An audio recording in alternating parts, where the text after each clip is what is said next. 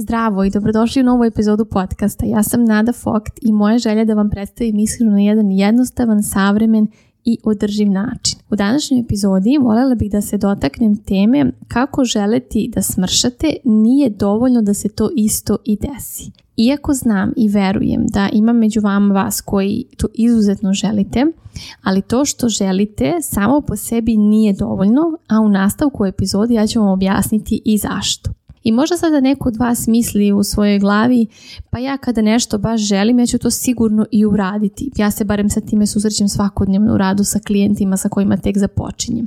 Uvijek je tu prisutna ta jaka odlučnost, ta jaka želja i sigurnost u svoju odluku. I onda se vrlo brzo ispostavi da ako im je mršavljanje jedini cilj i kada veruju da je to sve što je potrebno da se dogodi, a za ostalo će u hodu ili lako će, to jest onda kada smršaju, sve će se drugo dovesti u red i onda to mršavljenje bude još teže izvodljivo ili nikako ni ne dođu do toga. Dakle, žene ili ljudi generalno imaju uverenje da samo da ja smršam, sve ostalo će ona doći na svoje i sve ostalo će se samo namestiti. A to se u realnosti ne dešava. I upravo onda kada postaju očajni da to mršavljenje i ostvare, posežu za nekim radikalnim merama, metodama, recimo izgladnjivanja i slično. Isto tako, mnogi žene imaju verovanje da samo zato što one nešto žele, da će to onda biti i ostvareno, to je da će biti lagodno. Ta promjena navika koja je potrebna da se desi kako bi i došlo do mršavljenja, a pod promjenom navika mislim na uvođenje rutine fizičke aktivnosti, a, možda ćete preskočiti duplu porciju sveže ispečenih kolača, umjesto naručivanja dostave hrane napravit ćete sami obrok i slične navike. Dakle, samo to što vi želite rezultat mršavljenja ne znači da će primjena tih novih navika biti lakša radi toga. U trenutku se može činiti da je tako kada kažete sebi ok, sada ću uraditi ovo drugačije jer imam cilj mršavljenja, deluje kao jednostavno, ali zapravo primjena toga iz dana u dan je zahtjevna i teška. Dakle, promjena ponašanja je teška, promjene u načinu razmišljanja su teške. I kada se recimo fokusirate na neki plan koji je veoma restriktivan i kompleksan i pokušavate da ga primenite u praksi, nailazite na svakodnevne prepreke i suočavate se sa problemom neodrživosti primene tog plana. A kada razmišljate o promeni načina razmišljanja, o promeni svojih dosadašnjih navika, a ne slepom praćenju nekog plana, onda je daleko jednostavnije. Ali mnogi ljudi doživljavaju da ako nešto nije komplikovano ili mnogo drugačije od onoga što su oni do sada radili, oni veruju da to ne daje rezultate. Pa se zato često prepuštaju upravo svim tim radikalnim metodama koje ih samo još više vraćaju nazad. Ja smatram da je važno da razumete da je ljudski mozak dizajniran da kreira navike. Naš mozak nas želi na autopilotu i otprilike 40% našeg ponašanja su navike. I da biste lakše razumeli, mozak dakle želi kao i naše telo da očuva energiju i onda naš mozak kreira navike za nas tako da ne moramo da trošimo energiju za svaku moguću radnju, to jest odluku u danu. Recimo, primjer je ono ujutru kada ustanete, ne morate da razmišljate gdje, vam stoje šolje za kafu, kašičice i sama kafa da biste istu napravili.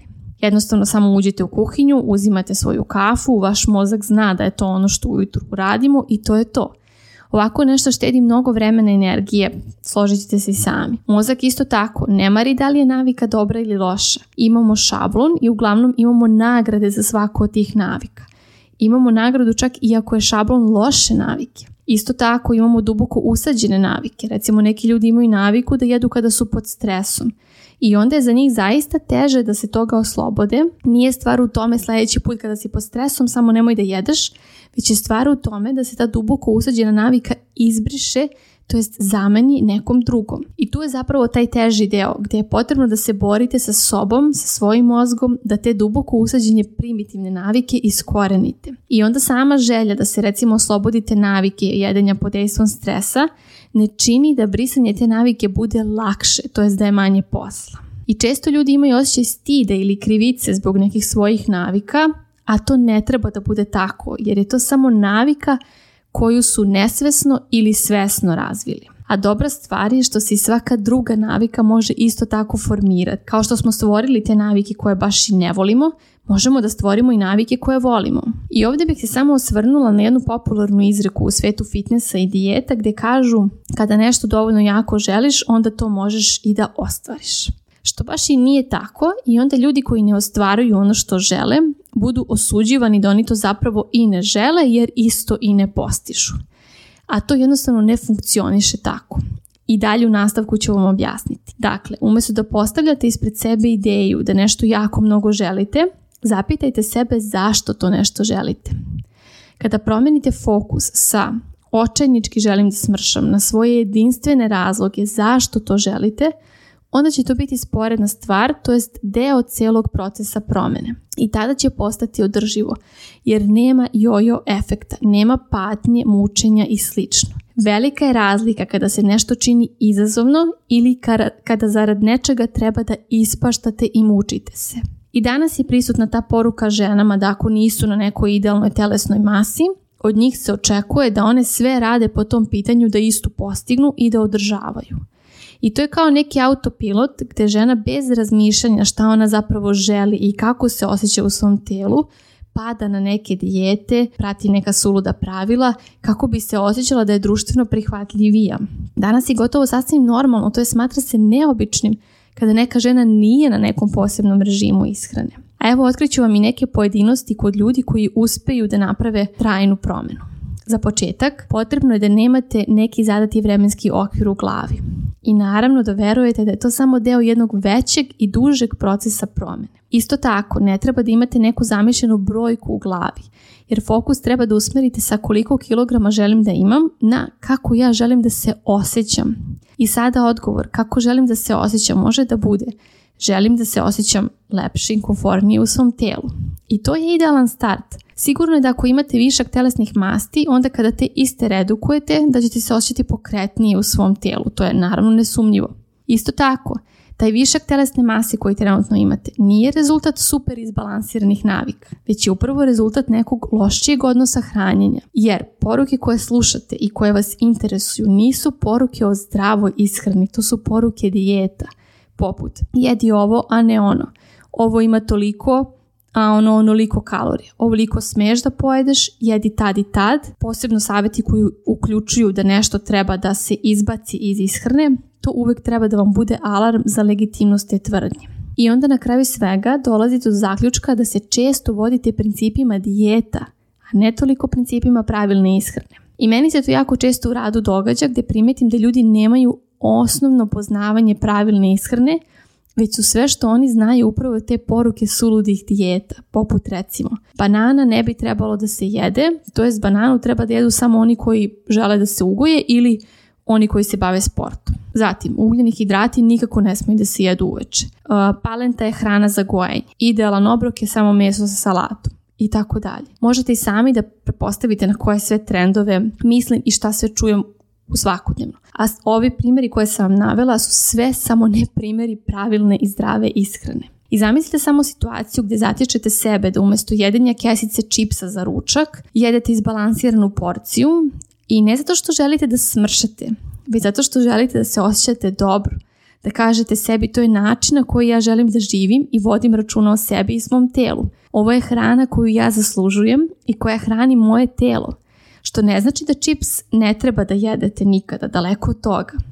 Ali kada promenite taj fokus sa ne smijem da jedem čips na ješću izbalansiran obrok jer želim da se osjećam dobro u svom telu, to je ona ključna promjena, to jest izmena u načinu razmišljanja koja nije samo fokusirana na mršavljenje kao cilj. Ili pa kako zamislite sebe da primenjujete određenu fizičku aktivnost jer istinski u tome uživate i prijetno se osjećate, tokom ili nakon iste, a zaboravite na ideju odlaska na iscrpljujuće treninge samo zarad trošenja kalorija i slično. Pođite samo od toga da ako je vama jedini cilj da budete mršavi ili da smršate. Vi zapravo ne vrednujete vaše zdravlje. Jer kada vrednujete svoje zdravlje, vi vrednujete i svoje emotivno, svoje fizičko, socijalno i spiritualno zdravlje.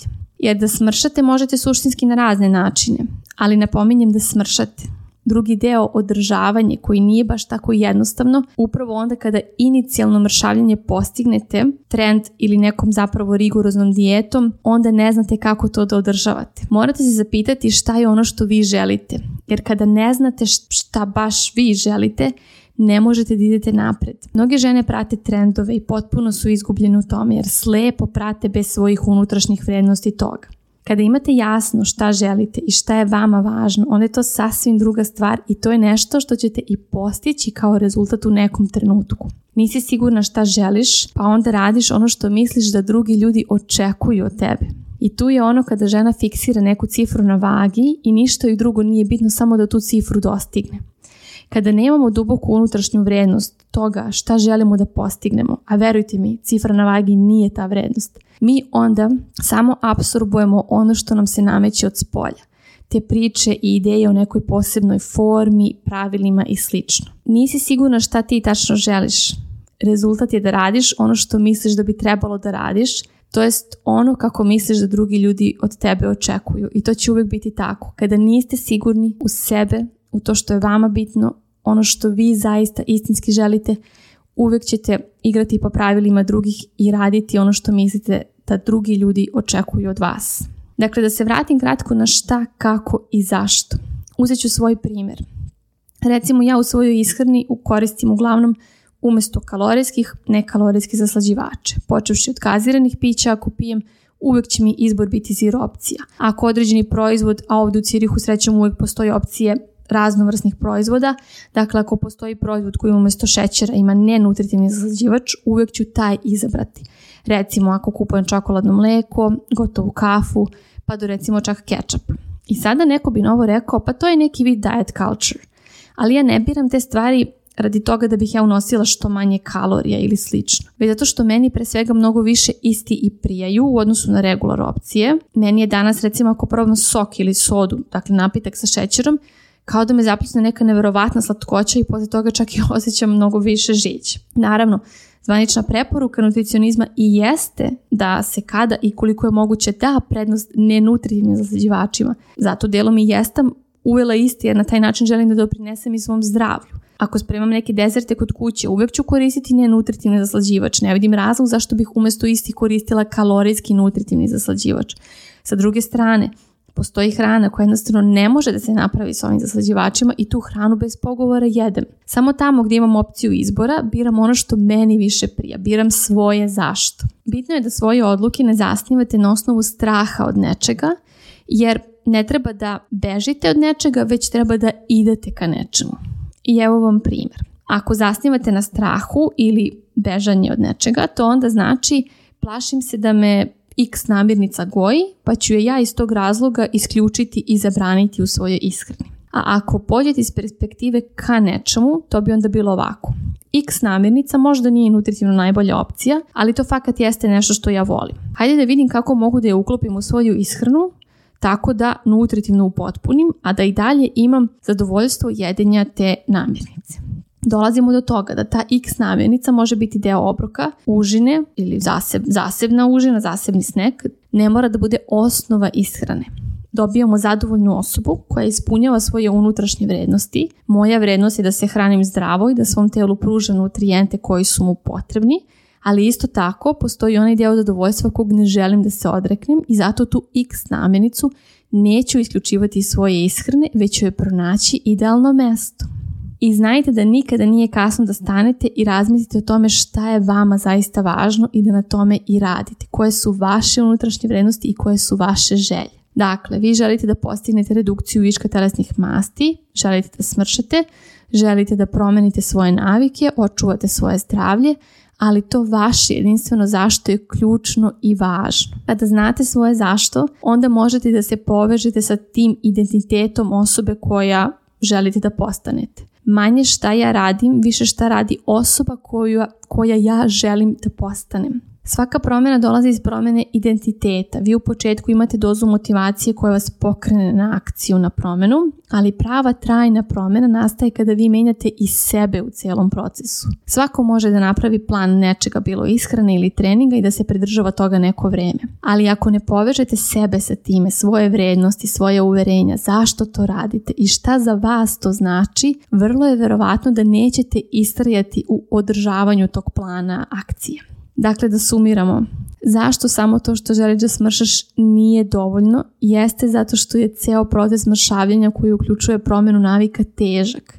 Postoje izazovi koji dolaze sa radom na promjeni navika i koji mogu biti teški u nekim trenucima, a to što ti samo nešto jako želiš neće biti dovoljno da istraješ. Druga stvar je da nemaš dovoljno jasno zašto, jer izjava želim da smršam bez dubljeg značenja zašto nema mnogo smisla. To bi bilo to. Sada vam preostaje da se bacite na posao. Dakle, istražite šta je to što želite, svoje zašto, pa će vam to biti prva početna tačka od koje krećete. Uživajte i čujemo se u narednoj epizodi.